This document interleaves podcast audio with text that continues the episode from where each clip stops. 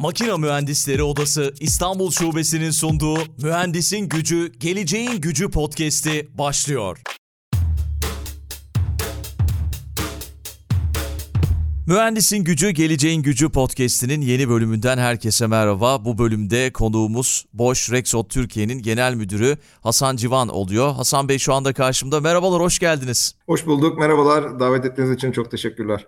Rica ediyorum bu bölümde de yine makinalarda dijital dönüşümü konuşacağız. Güzel bir bölüm hazırladık. Yine efsane bölümlerden biri olacak eminim. Bosch Rexot da gerçekten benim çok çok merak ettiğim kurumlardan, şirketlerden biri. Yanılmıyorsam 225 yıllık bir tarihi var. İnanılmaz gerçekten. Birazdan da bahsedeceksiniz Bosch Rexot'un tarihinden. Ama öncesinde evet. biraz belki sizi tanıyalım. Siz bugüne kadar kariyerinizde neler yaptınız? Ondan sonra da konumuza başlarız. Tabii ki memnuniyetle. Ben 1970 yılında e, Ordu'da dünyaya geldim. İlk orta okulları böyle babamın görevleri sebebiyetiyle değişik illerde okudum. Trabzon'da, Konya'da bitirdim. Üniversiteyi de Gazi Üniversitesi Ankara Makine Mühendisliğini bitirdim. E, iş hayatına 1993 yılında HEMA Hidrolik firmasında satış mühendisi olarak başladım. Bu firmada 5 yıl görev aldıktan sonra sizin de söylediğiniz gibi genel müdür oldum Bosch Rexroth firmasına. 1998 yılında proje satış mühendisi olarak başladım. Bosch Rexroth'ta 24 e, yıl bayağı uzun bir süre geçirdim.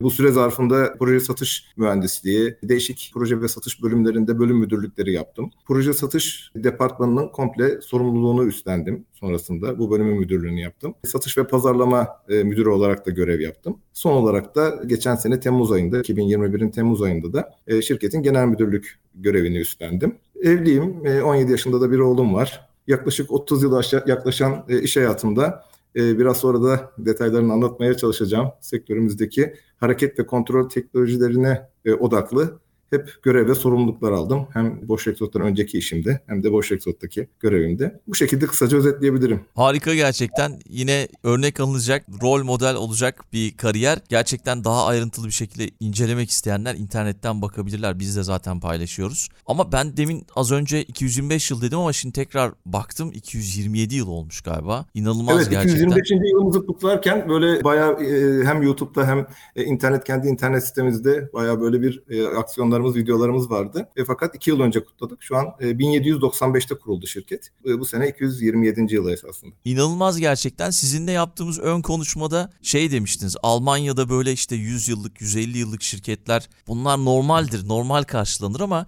bizim için, Türkiye için biraz anormal tabii ki de. Ama böyle 200 yılın üstünde bir şirket de nadir herhalde değil mi? Var mı dünyada örneği? Yok herhalde sanırım. Valla ben bir 200 yılın üzerinde bir Alman şirketinle daha karşılaşmıştım. Daha çok böyle tesisat tesisat üzerine çalışan bir firmaydı. Onun haricinde 200 yılın üzerinde ben pek şey yapmadım, karşılaşmadım, karşıma çıkmadı en azından. Yani gerçekten Alman şirketleri bu açıdan hep 100-150 e, yıla yaklaşan tarihleri var. Farklı kurumsal ve sürdürülebilirliği iyi sağlıyorlar. Biz de o şirketlerden biriyiz. Esasında Rexort işte 227 yıl önce su gücüyle çalışan e, bir çekişli değirmen sistemiyle başladı. Ve ilginç yanı 227 yıl önce de şu an uğraştığı gibi e, hareket ve kontrol teknolojisiyle üretim yolculuğuna başlamış. Yani gerçekten bir istikrar gibi söyleyelim. 227 yıldır devam eden bir istikrar gibi devam et, sürmüş. Daha sonra dökümhane kurulmuş. Bu tarım e, ekipmanları üzerine ürünler üreten dökümhane kurulmuş. Sonra 1950'li yıllarda ise hidrolik sektörüne şu an oldukça popüler olan ve ana sanayimiz olan esasında hidrolik sektöründe çalışmaya devam etmiş. 1965 e, yılında ise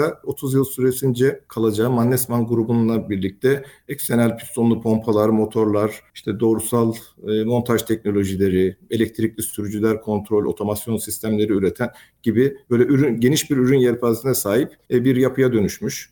Endüstriyel ve mobil alanda müşterilerine hizmet eder bir hale geldi. Tabii bu Alman devi Mannesmann grubundan 2001 yılında ayrılarak diğer bir Alman devi Bosch grubuna dahil olmuş. Biz markayı Rexroth diye söylüyoruz ama esasında Bosch grubunun da bir şirketi, şirketiyiz. Onun dışında şirketimizin adı da Bosch Rexroth olarak hem dünyada hem Türkiye'de bu şekilde geçiyor. En ilginç tarafı tabii 227 yıl aşan bu tarihte dört, bugün dördüncüsünü konuştuğumuz bütün sanayi devrimleri içerisinde de bulunmuş. Yani bildiğiniz gibi sanayi devrimleri 18. yüzyılda su ve buhar gücüyle çalışan makinelerle başladı. Daha sonra işte 20. yüzyılda elektrikli sistemler, 1970'lerden sonra da bilgisayar ve dijital teknolojiyle gelişti. İşte dördüncü aşamasına geldik. Artık bilişim teknolojileri diye donatılmış böyle üretim süreçlerinden bahsediyoruz. Bizim için en gurur verici noktalardan biri de bütün bu dört sanayi devriminin içerisinde de aktif olarak e, rol alan bir firma konumunda olmamız. İşte mobil iş makinalarından tutun da fabrika inşaatına veya mühendisliğin her alanına kadar elektronikleşmesinde, dijitalleşmesinde, bunların hızlanmasında geliştirdiğiniz teknolojiler var anladığım kadarıyla. Evet yani Ee, günümüzde tabanlı. e, aynen aynen günümüzde makine ve üretim sistemleri böyle hareket ve kontrolü sağlayan ana bir teknoloji esasında. Müşterilerimize biz de bu teknolojileri sunuyoruz. Bu teknolojileri esasında üç başlık altında sunuluyor. Yani bir hidrolik sistemler, e, mekanik olarak, bir de elektronik olarak. Tabi bu hidrolik ve mekanik olarak sağlanan hareket ve kontrolün aynı zamanda elektronik bir altyapısı da var. Biz bütün bu yani bir makineyi harekete geçiren, bir üretimi üretimin yapılmasını sağlayan veya mobil dediniz biraz önce iş makineleri yollarda çalışan, inşaatlarda, madenlerde çalışan iş makinelerindeki bütün hareket ve kontrolü sağlayan sistemleri sunuyoruz. Esasında daha da somutlaştırmak için birkaç örnek de verebilirim. Mesela Tabii ee, lütfen. Bir, bir demir çelik fabrikasını düşünelim. Bir demir çelik üretim hattında haddaneler veya saç saç üreten bir demir çelik hattındaki bütün sürecin içerisinde biz varız. Gıda üreten bir tesisin paketleme ve ambalajını yapan bir üretim hattında da varız. Aynı şekilde otomobil, bir otomobil üreten, otomobilin gövdesini veya e, motorunu üreten üretim hattında varız. Sektör olarak e, farklı örnekler vermek gerekirse mesela bir e, barajın türbin ve kapak sistemlerinde yine bu sistemleri de üretiyoruz. Gemilerde bir güverte ekipmanı olarak çalışan bir vinçler ve bütün güverte ekipmanlarında yine varız. Aynı şekilde daha somut e, insanların gözünde canlıdır. Mesela Londra'daki London Eye var. Büyük bir dönme dolap. Böyle çok Evet. popüler mesela. E, o e, London Eye'nin bütün tahrik ve kontrol sistemi Rexroth tarafından yapılmıştır. Bütün o dönme hareketini sağlayan kontrol sistemini hidrolik olarak tahrik eden Rexroth ürünleri. E, yine çok popüler Atlas Okyanusu'yla Büyük Okyanus arasındaki geçiş sağlayan Panama Kanalı. Bu da e, tam yılını hatırlamıyorum ama 10-15 yıl önce yenilendi. Buradaki gemilerin geçişini sağlayan kanal sistemindeki kapak sistemleri yine e, Rexroth tarafından üretildi. Ya böyle çok geniş e, işte en son İstanbul'da da şu aralar çok popüler e, metro kanalları açılıyor. Avrupa e, bir şekilde tamamladı o altyapısını. Biz de daha tamamlamaya çalışıyoruz İstanbul merkezli olarak. Bütün o e, metro kanallarında çalışan TBM dediğimiz Tunnel Boring Machine o kanalı açan makinalarda yine bizim sistemlerimiz kullanılıyor. İşte birbirinden farklı buna benzer e, mühendislik ve dizayn gerektiren hidrolik, elektronik, mekanik bütün harekete geçiren, sistemi harekete geçiren ve kontrol eden çözümler e, sunulmakta. Tabii bir yandan da biz bu bölümde dijital dönüşümü konuşacağız. Makinalarda dijital dönüşümü konuşacağız. İşte geleceğin e, fabrikasının dijital dönüşümüne de öncülük ediyorsunuz. Ama şunu merak ediyorum. Makinalarda dijital dönüşüm sizin için ne ifade ediyor? Ya makinalarda dijital dönüşüm deyince esasında makine tarafına geçmeden bir de bir ihtiyaçları da konuşmak gerekiyor. Yani mesela birkaç tane konuşma öncesinde birkaç tane data hazırladım. Onları da paylaşmak da çok daha bence değerli olacak. Mesela 2030 yılında 125 milyar cihazın birbiriyle bağlı olması öngörülüyor. Gerçekten inanılmaz bir sayı. İnanılmaz. Yani evet diğer taraftan yani önümüzdeki 20 20 25 30 yıl içerisinde ise dünya nüfusunun %70'inin şehirlerde yaşaması öngörülüyor. Tabii bu e, hem bu kadar cihazın devreye girmesi hem bu kadar insanın şehirlerde yaşaması e, gerçekten şu an bulunduğumuzdan yine bu zaman içerisinde 25-30 yıl içerisinde şu an e, bulunduğumuzdan %30 daha fazla enerji ihtiyacı ve %30 %40 civarında da bir temiz hava ihtiyacının olması öngörülüyor. Bununla birlikte nüfus artıyor fakat nüfus artışıyla birlikte 65 yaş üzeri nüfus da bu dönemde ikiye katlanması öngörülüyor. Ya tabii bütün bu öngörüler bizi kaçınılmaz bir yola sokuyor. Bu yol ne? Daha az enerji tüketmemiz gerekiyor. Daha kalabalık olmamıza rağmen daha az enerji tüketmemiz gerekiyor. Daha hızlı üretim yapmamız gerekiyor. Neyi, ne zaman, nasıl yapacağımızı üretmeden önce planlamamız ve analiz etmemiz gerekiyor. Müşterilere bilgi akışını hızlı ve e, minimum hatayla ulaştırmamız gerekiyor. Dünya üzerinde mesela müşteriler, tedarik kanalları, lojistik kanallar, bütün bu kanalların anlık bilgi alıp bilgi aktarabilmesi gerekiyor. Bütün bu sistemi, bütün bu üretim datasını, bütün bu müşterilerdeki ihtiyaç datasının altyapısının kurulması gerekiyor ve bu kurulum da esasında bir dijital dönüşüm demek. Bu bir dijital dönüşüm olmadan böyle bir kurulumun, böyle bir ihtiyacın karşılanması çok zor, hatta imkansıza yakın. Yani Anladım. esasında dijital dönüşüm biraz bunu ifade ediyor. Makinalarda e, dijital dönüşüm dışında daha rahat anlaşılması için esasında biraz sosyal hayattan da örnek vermek de daha doğru olacak. Biz esasında sosyal hayatımızda da dijital dönüşümü çok kullanıyoruz. Fakat burada bizim önceliğimiz hep şu oluyor. Sosyal olarak da kolay ulaşılabilir, kolay iletişime geçilebilir, daha hızlı ve güvenilir bilgi akışının olduğu ortamlarda kendimizi daha güvende hissediyoruz ve daha mutlu oluyoruz esasında. Kesinlikle. İş hayatı, ya esasında iş hayatı ve üretim dünyasının beklentileri de buna çok paralel. Yani e, evimizden veya e, hafta sonu sosyal hayatımızdan çıkıp iş hayatımıza döndüğümüz zaman da beklentilerimiz bunlarla çok birbirine paralel. İş hayatında da bilgileri kolay ulaşmak istiyoruz. Analiz ederek sakladığımız e, bilgilerin süreçlerinin kolay olmasını ve güvenli olmasını istiyoruz.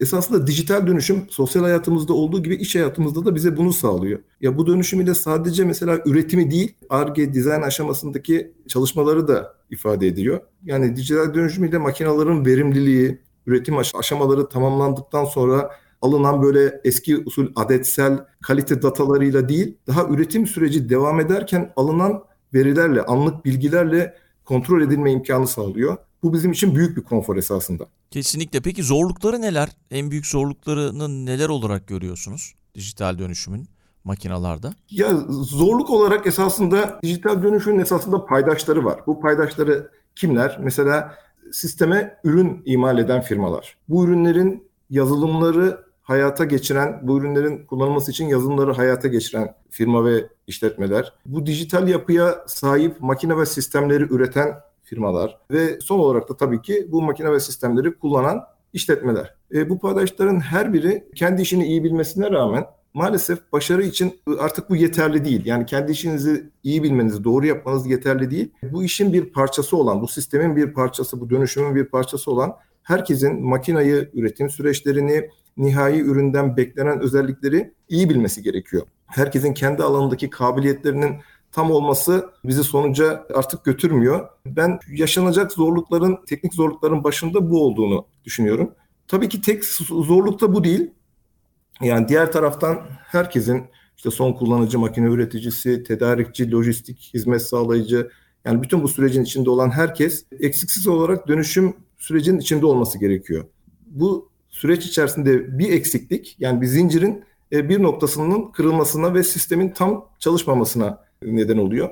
Bu da bir esasında zorluk. Yani bu dönüşümün sadece kendi içerisinde dönüşüme geçmiş firmalar değil, bütün sistemin bu dönüşüme geçmesi tamamen böyle o sürecin tamamlanmasını sağlıyor. Bir de yine zorluk olarak hem teknik kabiliyet hem de yatırım maliyetleri açısından da henüz istenilen seviyeye gelinemediğini de düşünüyorum. Bunun tabii ki son 2-3 yıl içerisinde yaşadığımız zorluklar da bunda bir etken oldu. Hem ne kadar gerekli olduğunu ortaya çıkardı ama diğer taraftan da bu yatırımları yapmak için de bir zorluklar da önümüze koydu. Bir de bu yatırım yapıldığı zaman, firmalar bu yatırımları yapacakları zaman reel olarak ne maliyet getirecek ve bu getirdikleri maliyet sonucunda ne tasarruf sağlayacaklar? Doğru olarak ölçülebilmesi gerekiyor. Bu ölçülebilmesi de ciddi bir yetkinlik getiriyor. Bu belirsizlik içerisinde karar verme zorluğu da çekiyor firmalar. Bu da bence karar verme zorluğu da bu sürecin içindeki bir zorluk olarak gözüküyor. Diğer taraftan hizmet sağlayıcılar var. Bizim gibi birçok hizmet sağlayıcı var. Sadece ürün ve e, yazılım olarak değil,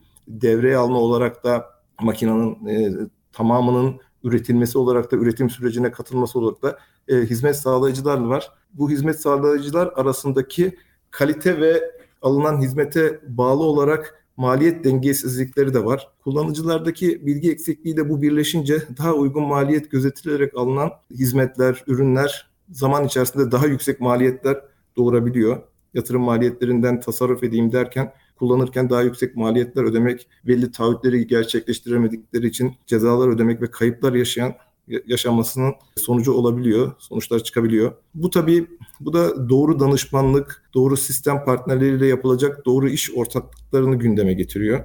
Valla aklıma gelen e, aklıma gelen en son bir nokta daha geldi aklıma. Bir diğer zorluksa yine sosyal hayatımızda olduğu gibi burada firmalar da teknik ve ticari bilgilerini dijital yollar ile aktarıyorlar. Bu bilgileri kullanıyorlar. Kullanılırken ve saklanırken ciddi anlamda güvenlik sorunları ve güvenlik açıkları da yaşanabilir. Bu sebeple nasıl artık her şeyin her şey için bir şifremiz var. Basit bir işlem yaparken bile, bir alışveriş yaparken bile veya bir banka hesabımız için de şifreler kullanıyoruz. Bunun için bir IT altyapısının aynı şekilde firmalar arasında da bir IT, IT altyapısının kurulumu ve işletimi de gerçekten önemli. Burada dijital dönüşüm dediğimiz zaman firmalar uluslararası ticareti de öncelikleri bu oluyor. Aynı bizim ülkemizde ve bütün ülkelerde olduğu gibi. E, uluslararası firmalar birbirleriyle çalışırken uluslararası yasalara uygun bilgi transferi ve bilgilerin saklanması gerekiyor. Bu da bence e, bizim için önemli e, noktalardan biri. Zorluklardan biri diyeyim. Gereklilik tabii bu. Zorluk dışında önemli gerekliliklerden de biri. Doğru. Peki az önce süreçlerden bahsettiniz ve girişte de sunduğunuz çözümlerden de bahsettiniz ama makinalarda dijital dönüşüm süreciyle ilgili paylaşabileceğiniz uygulamalarınız neler? Başka ne gibi uygulamalar var? Ya bizim sektörle ilgili e, şunu söyleyebilirim. Bizim esasında uygulama alanını iki başlıkta yani iki ikiye ayırabilirim uygulama alanını.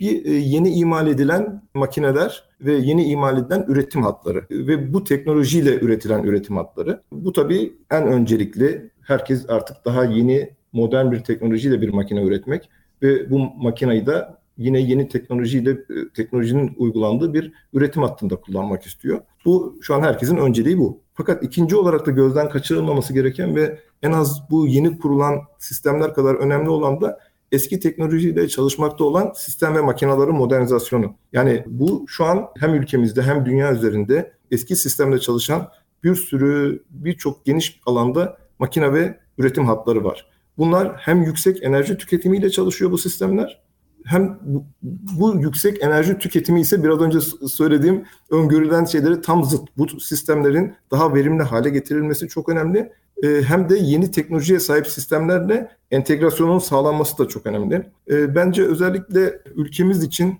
reel kazanç noktasının da bu olduğunu düşünüyorum. Özellikle bu finansal dalgalanmalar, belirsizliklerin yaşandığı bu günlerde yatırım yapmakta zorlanan bir sürü orta ve küçük ölçekli işletmeler mevcut. Bu işletmelerin hepsinin hedefleri de ana sanayinin bir parçası olmak ama üretim hatlarının da modernizasyona ihtiyacı var. Hem global hem de lokal müşterilerine müşterileriyle bu dijital entegrasyonu kolaylıkla bu dönüşümü eski makinelerinde sağlayarak hayata geçirebilirler.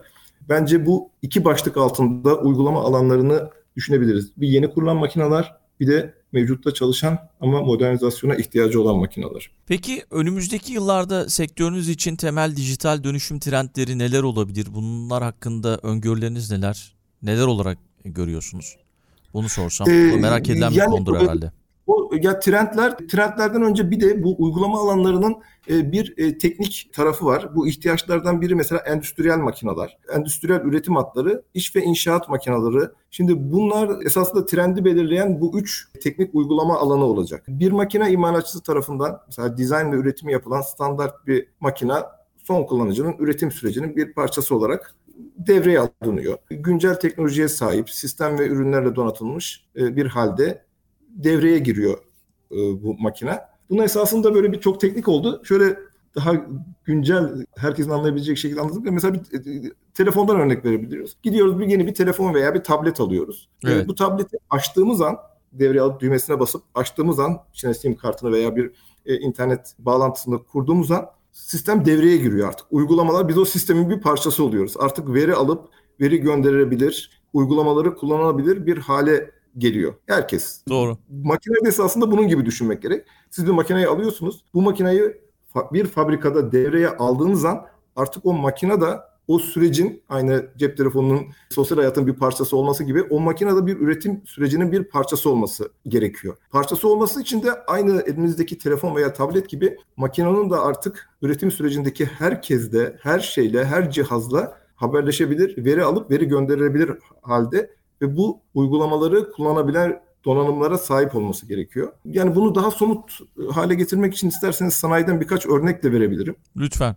Mesela bir otomotiv yan sanayisi düşünelim. İşte bu ana sanayi için e, bir arabalara ait bir aksam üretiyor. Bu bir mekanik veya plastik metal bir aksam olabilir. Ne oldu o kadar da önemli değil. Ana sanayi gitgide büyüyor. Üretim kapasitesi artıyor ve model değişiklikleri de kısa periyotlar içerisinde gerçekleşmeye başlıyor. Bütün bu değişikliklere daha hızlı reaksiyon verilebilmesi gerekiyor. Yani bunun için bir yol yeni makine yatırımları yaparak kapasitemizi artırmak. Fakat bu yeterli olmaz. Esas biz, esas değerli olan bizim için e, neyi, ne zaman, ne kadar üreteceğimizi, nasıl, nereye sevk edeceğimizi anlık bilmemiz.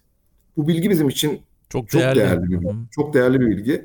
Ürün üzerinde yapılacak değişiklikler yeni ARGE çalışmaları, ilgili departmanlara bütün bu bilgilerin iletilmesi gerekiyor. Yani kısaca özetlersem belli adetlerde üretim yapan, ürettiğini satmaya çalışan bir yapı değil esasında. Artık nasıl diyeyim ne yaptığını ve gelecekte ne planladığını tam hakim olan, kabiliyetleri olan bir çalışma modeli geçerli bir hal aldı. Yani Anladım. artık trendleri belirleyen ana nokta bu. E, diğer taraftan bu e, sektörümüzdeki dijital dönüşüm diyoruz. Firmalar arasındaki çalışma modellerine bir inovasyon bir getiriyor.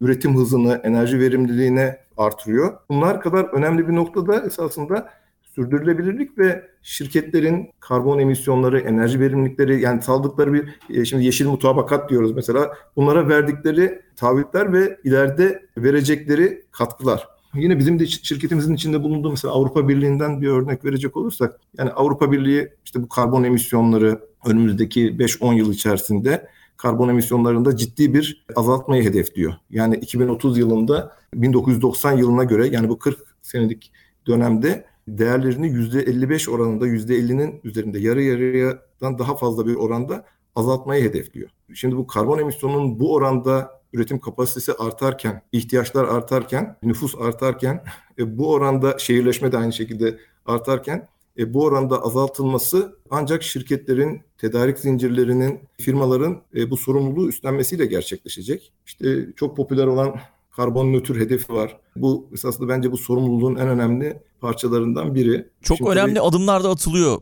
Takip ediyorum sürekli. Özellikle Avrupa'da, Türkiye'de de son yıllar içerisinde. Evet. Şirketlerin evet, yani aldığı bizim, önemli kararlar var. Aynen bizde ben bizim şirketimizden de bazı mesela yani karbon nötr mesela bizim en önemli hedeflerimizden biriydi. Ee, yani karbon nötr ne demek? Mesela üretim ve hizmetleri yaparken kapasiteniz artarken e, buna rağmen işte atmosfere salınımını yaptığınız karbon oranlarında bir artış olmaması. Çok kaba değil mi bu? Yani ben kendi boş firmasından, kendi firmamızdan örnek verirsem mesela geçtiğimiz yıl bizim yani geçtiğimiz yıl 2020 yılında esasında boş tüm lokasyonlarında e, karbon nötr hale getiren dünya çapındaki ilk sanayi kuruluşu oldu. Bu taahhüdü veren ve bu taahhüdü hayata geçiren ilk sanayi kuruluşu oldu. E, önümüzdeki 2030'a kadar da önümüzdeki 7-8 yıllık periyotta da dünyadaki 400 lokasyonunda bu verimlilik tedbirlerini hayata geçirip ve sürekliliği sağlamak için e, yaklaşık 1 milyar euro civarında da bir yatırım planlıyor. Harika. Bu, e, 1 milyar bu çok, euro inanılmaz gerçekten. Evet yani e, tabii bu sadece boş kendi başına yapmayacak. Yine bu e, 2030'da tedarikçilerini de ve müşterilerini de bu değer zincirinin içine katarak 2018'e göre %15'lik bir kullanımda azalmaya da gidiyor karbon emisyonunda bir azalmaya da gidecek bu yatırımın sonucunda. Ya bunlar tabii e, çok hep bu hedefler ve bu hedeflere ulaşılmak bir e, dijital dönüşüm trendinin esasında tam merkezinde duruyor. Ben Boş'la ilgili bazı rakamlar verdim ama eminim birçok lokal ve global şirket de e, bu sürecin içerisinde katkıda bulunmaya devam ediyor tabii ki. Peki her şeyi konuştuk herhalde Hasan Bey. Gayet güzel bilgiler verdiniz. Son olarak odaların öneminden bahsedelim isterim. Siz odaların öneminin hakkında neler söylemek istersiniz? Makine Mühendisleri Odası ya da herhangi bir oda olabilir. Sektörlere Vallahi katkısı aslında, açısından nasıl değerlendirirsiniz merak ediyorum. Ya ya burada odaların odaların şöyle bir bu dijital dönüşüm ve bu gibi benzer konularda şöyle bir önem var. Biz şimdi e, tabii süre içerisinde ana sanayilerden bahsettik. Bu ana sanayilere ürün tedarik eden tedarikçilerden, yan sanayilerinden bahsettik. Çözüm ortaklarından, yazılımcı firmalardan, lojistik firmalarından yani e, bu işin içinde olan birçok firmadan bahsettik. Esasında bütün bu firmaları bir araya getirecek ortak platform odalar. Ya bu, bu firmalar ancak odalar ve bu organizasyon odaların düzenlediği organizasyonlar kanalıyla bu etkinliklerde bir araya gelir, gelebilirler. Odalar doğal olarak ticari kaygı dışında teknik ve yasal düzenlemelere odaklanarak bu firmalar arasında bir koordinasyon rolü üstlenebilirler. Çünkü bunun e, bu iş yaygınlaştıkça, kullanıldıkça ve daha e, sistem içerisinde daha çok firma dahil oldukça e, bunun önemi daha da artacak. Bu sistem içerisinde dediğim gibi ticari kaygılardan uzak, koordinasyonu sağlayan, sağlayacak bir yapılar da gerekli, platformlar gerekli. Bu platformu da bence odalar sağlayabilir ancak. Ayrıca daha önce de belirttiğim trendler bölümünde galiba konuşmuştuk. E, bilgi güvenliği ve kişisel hakların korunması da çok önemli hale gelecek. Evet. Doğal olarak kişisel haklar korunurken firmaların da hakları var. Firmaları da aldıkları patentler, geliştirdikleri dizaynlara ait firmaların haklarının da korunması gerekiyor. Bütün bu düzenlemeler de bence odaların aktif görev üstleneceği, danışmanlık yapacağı, yetkilendirme alanlarında sorumluluk üstlenebilmesi de üstlenebileceği platformlar. Ya diğer taraftan tabii ki e, bu bahsettiğim firmalar kadar teknik kabiliyetleri o seviyede olmasa bile eğitim verilmesi ve bu eğitimler için yeterli teknik bilgiyi, altyapıyı oluşturması için de e, ve bu koordinasyonu sağlaması için de e, odaların ciddi anlamda e, rol oynayacağını düşünüyorum. Bu sistem içerisinde ciddi hem sorumluluk hem de ciddi rol e, oynayacaklarını düşünüyorum şimdi doğrusu. Kesinlikle ben de katılıyorum. Makine Mühendisleri Odası İstanbul Şubesi de bu anlamda gerçekten önemli adımlar atıyor. Onu bir kez daha dile getirmiş olalım.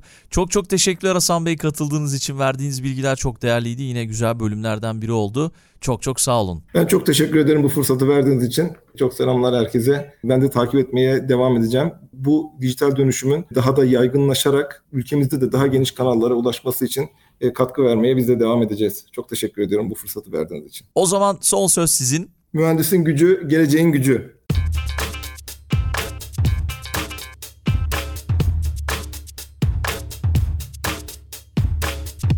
Makina Mühendisleri Odası İstanbul Şubesi'nin sunduğu Mühendisin Gücü, Geleceğin Gücü podcast'i sona erdi.